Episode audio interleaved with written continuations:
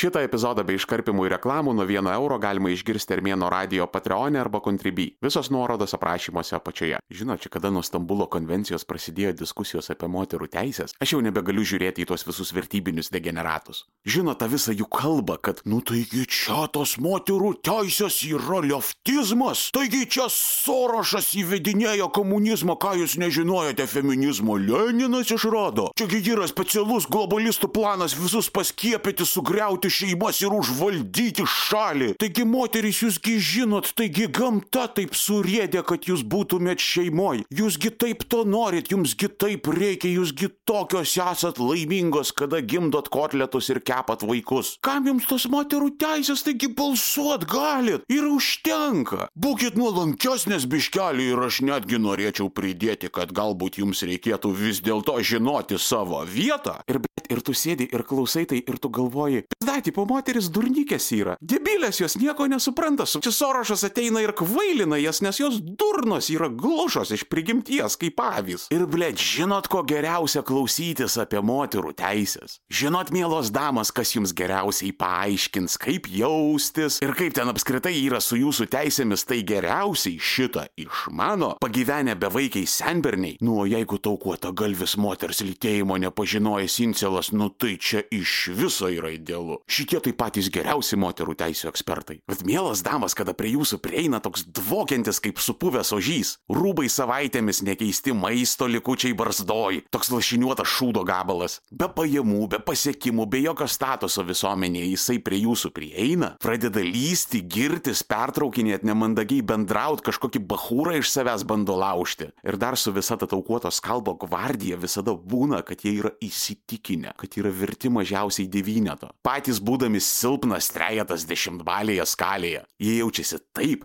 tarsi jų moteris turėtų būti kaip minimum jauna Angelina Jolie. Taip, bet va toks va prieina, kabina, įžeidinėja, lenda.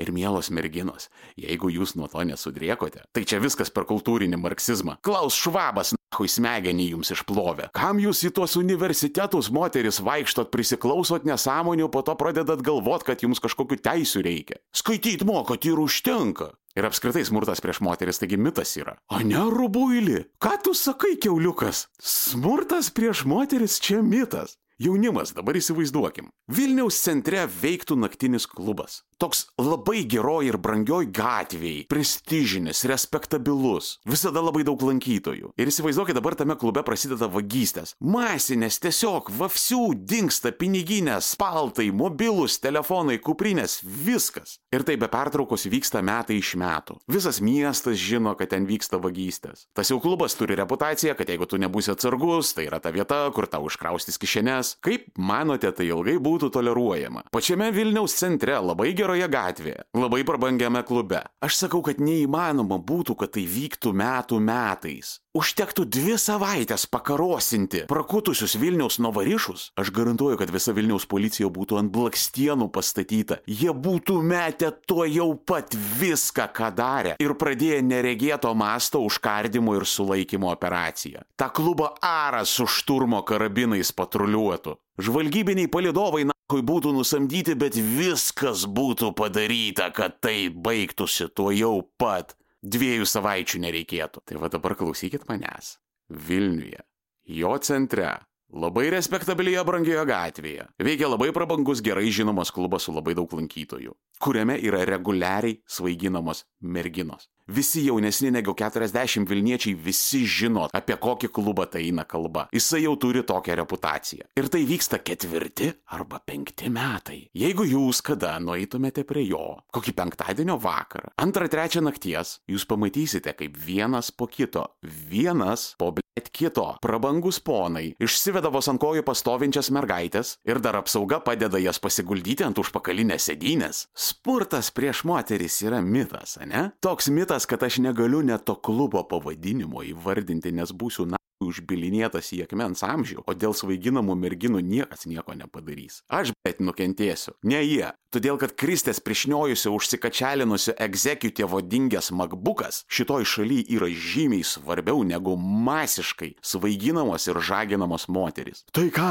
ten paleistuvės, po klubus nereikia trintis ir problemų nebus. Blėt, nes niekur kitur tai nevyksta. Čia tik tas vienas klubas yra specialus. Čia tik jame tie dalykai dedasi ir niekur kitur. Čia taip savo jaunos merginos niekada nepalikinėja gėrimų be priežiūros. O jeigu ir netyčia paliko, tai užsisako naują ir niekada palikto nedagerinėja. Bet nueini į kiekvieną, kiekvieną, bet klubą Lietuvoje ir tu matai, kaip kas trečia mergina stovi delnu, užsidengus savo stiklinę. Ir dažniausiai šitie dalykai vyksta artimoje aplinkoje, tarp draugų, tarp bendradarbių, giminių netgi. Ir jūsų vertybininkai dukros yra pačios pažeidžiamiausios. Todėl, kad jūs neleisit joms turėti seksualinio švietimo. Jeigu jos neturės seksualinio švietimo, tai jos negalės pamatyti pavojaus signalų. O jeigu ir kažkas su jomis nutiks, jos nieko nesakys, jos visą gyvenimą tylės ir tą skausmą iki pat jo pabaigos nešiosi savyje. Nes jie žino, kas tokie yra jų tėvai ir kaip jie galvoja apie išžaginimo aukas. Kaip ten jūs sakot, pati kalta? Čia dabar. Ir vėl jūs, kas yra jūsų problema? Ko jūs nesuprakelintą epizodą iš eilės mes susitinkam? Nu kaip bet su jumis kalbėti? Jūs net šito keiksmažodžio neišgirdot, nes aš jį iškirpau. Bet jūs toliau kankinatės kaip nenormalus. Hebra, ar vieno radio, Contribui ir Patreonas, kas nėra suprantama. Nuorodos aprašymuose apačioje. Pasirenka tą, kuri jums patinka. Spaudžiat ir renkatės iš trijų paprastučių planų. Vienas euras į mėnesį. Vienas euras į, mė į mėnesį. Euras. Alio, tai yra net neišlaida, jūs bomžams daugiau atiduodat per mėnesį negu armėno radijui. Vienas euras. Armėnas plus ir klausotės ramiai Armėno radio, be cenzūros, su visais keiksmažodžiais, be šitų vat visų pinigų klenčinimų ir be reklamų, nes žinokit, vaikučiai, Armėnas yra gopšas ir čia atsiras reklamos, jau vyksta pokalbiai. Aš padarysiu iš šito podcast'o top shopą kaip dievą myliu. 499 Armėnas Pro, mažiau nei 5 eurai. Čia jau mes turbūt beveik priartėjom prie tos sumos, kurią jūs per mėnesį išleidžiate bomžams. Ne visai, bet turbūt beveik. Tai vad už kiek mažiau negu jūs skiriate benamiams per mėnesį, jūs galite turėti ne tik visus keiksmažodžius, ne tik nulį reklamų, bet dar ir gausite visus epizodus anksčiau, todėl kad visų pirma, Armėno radijas pasirodo Patreonė ir Contribui ir tik tai po to išeina į laisvą eterį. Jeigu to per maža, ant viršaus aš uždedu bonus kontentą, nes dėl laiko apribojimų aš dažnai nukarpau epizodus. Ir Armėnas pro jūs rasite turinį ne tik tai anksčiau, bet jis bus ilgesnis ir storesnis negu gauna visi kiti likę valstiečiai, kurie nemoka armėnui pinigų. Pavyzdžiui, šitame epizode buvo labai kokybiško patyčio apie Širinskenės pūtę. Deja, kaip ir Širinskenės pūtę teko apkarpyti.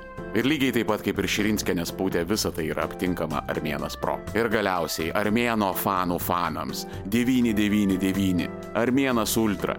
Čia jau turbūt viršyje mėnesinį jūsų valkatų biudžetą, bet tai yra tik tai superfanams. Čia priklauso viskas, ką aš išvardinau, plus Armėno slėptuvė su visais klasikiniais Armėno radio epizodais, kurių niekur kitur neberasite internete.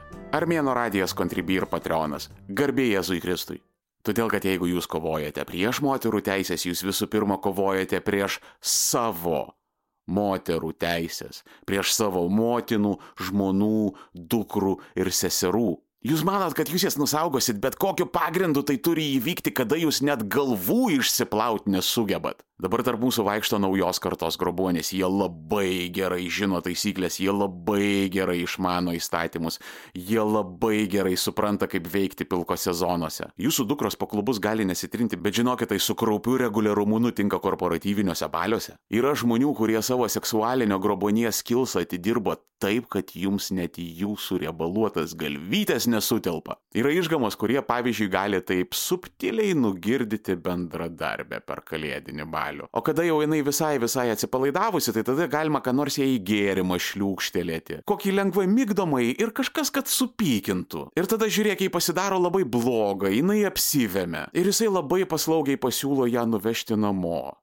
Jos nelabai atsimena, o jeigu atsimena, jos nėra tikros ar tai buvo, ar tai vyko, davė sutikimą, nedavė sutikimą. O jeigu jos kreipiasi į policiją, tai atgal išgirsta, nu, parodyk, turi įdreskimų žaizdų, ten kažką mušeisi, ten bandėjai priešintis, ne, tai liudininkai gal yra, tai gal kažkokiu įrodymu turi ar ką? Ne? Nu, žinok, nieko negalim padaryti. Mesgi negarantuoti esam, kad tu galbūt gerą žmogų bandai apšmeišti. Ir čia tas nuostabusis argumentas, kad jeigu yra įteisintas sutikimas seksui, tai vadinasi, bet kokia psichė galės sugalvoti, kad atsijama jį atbulinė data, nueit parašyti ant nieko dėto vyro zajavą ir visiškai sugriauti jam gyvenimą. O žinot, kada sugriuva moterų gyvenimas? Kada jas išprievartauja? Bet aš prisimenu, kada Vilniuje prie Rusijos ambasados buvo tas performances, kada moteris raudonai nudažytais klynais protestavo prieš masinį ukrainiečių prievartavimą. Aš prisimenu tą visą vaibelį. Skaičiau ir savo akim negalėjau patikėti. Nu tai čia nežinau, kažkaip čia gal vulgarokai klausyk, neskoninga, o čia dar į prūdą dažų pripylė, taigi čia aplinkai kenkia. Tu blėt klimato kaitos neįgėjas, tu gamtos nekenti, na. Tu, bet šėrinį grūs dviesti ten su lavonais iš Ukrainos karo, kur ten skeletai gyvi sudegę tankuose, o čia suprantu, čia biškelį kažkaip neskoningai, gal čia biški taip staigokai sakyčiau. Ir šitie pažaisni turi savo nuomonę, ką reikėtų Bidenui, ką reikėtų Makronui, ką reikėtų Šolcui daryti, sakyti, kaip reaguoti kokią ataką, bet patys net euro į kokį nors labdaros fondą nėra įnešę. Taigi vis tiek tas Šurajevas pavoks. Bet dėl šito jie yra teisūs. Aš kaip savanoris iš vienas ką paramos fondo galiu patvirtinti profesijų, kaip Aristovičius sako. Patvirtinu, kad visus pinigus, kuriuos surenka Olegas Šuraivas, jis juos vagia ir laiko pas save užpakalį. Nes gėjai tik tai pinigus užsidirbinėja per užpakalį. Todėl jokiais būdais nesugalvokite aukoti, jokiais būdais nežiūrėkite aprašymuose apačioje ir nespauskite ant nuorodos. Ir neaukokite vienas ką paramos fondų jokių pinigų, todėl kad jie visi lygi vieno atsidurs Šuraivo šiknoj kartu su nesuskaičiuojamais litrais pagyvenusių vyriškių spermos. onekfan.org/donate. Jūs buvote įspėti. Bet ta visa vertybinė pigi demagogija yra viena. To nereikia toleruoti, bet kažkaip galima priprasti. Bet dabar jau prasidėjo masterstvo. Mes gyvename sofizmo aukso amžiuje. Vartimo hui olimpiados beveik prasidėjo. Nes, suprantat, vyrai yra irgi pasirodo aukos. Vyrai irgi patiria smurtą artimojo aplinkoje. Ir tu tai pasižiūri į tokį ir tu galvoji, bet tuo. Davai padarom tokį mokslinį eksperimentą. Davai tau per galvą pis 60 kg sverianti mergina ir tada ateisiu ir pisiu aš. Ar vyrus muša moteris? Be abejo. Ar tai yra blogai? Taip. Ar to negalima toleruoti? Žinoma. Ar tai yra lygiaverčiai dalykai, kada vyras muša moterį? Ne. Todėl, kad biologija, ta pati biologija, apie kurią jūs labai daug šnekat pastaruoju metu, kuri sako, kadangi vyrai yra didesni ir sunkesni, tai absoliuti dauguma jų gali apsiginti nuo absoliučios daugumos moterų, o absoliuti dauguma moterų negali apsiginti nuo absoliučios daugumos vyrų. Trečdalis vyrų irgi patiria seksualinį smurtą. Jo, blėt, kalėjimuose nuo kitų vyrų. Tose pačiose kalėjimuose, kur jūs taunerius par žmogžudžius sodinate. O dabar norite imu ir pasakau, apie ką čia viskas yra. Čia nėra jokia ideologija, joks fanatizmas, jokia krikščionybė, pamirškit. Čia yra apie banalų pavydą. Pasižiūrėkit į tuos visus vyrus, kurie taip šneka. Jie yra niekas, jie neturi nieko. Jie eina į niekur ir jie patys tai labai gerai suvokia. Tai yra tiesiog išvaistyto gyvenimo klyksmas. Ir jie nenori moterų teisų, nes tai yra paskutinis dalykas, ką jie turi. Aš nesu gražus pažiūrėti, su manim nemalonu bendrauti, aš neturiu turto, aš neturiu pajamų, aš esu bet ponas niekas, bet žinot ką, žinot ką, bent jau aš nesu bo.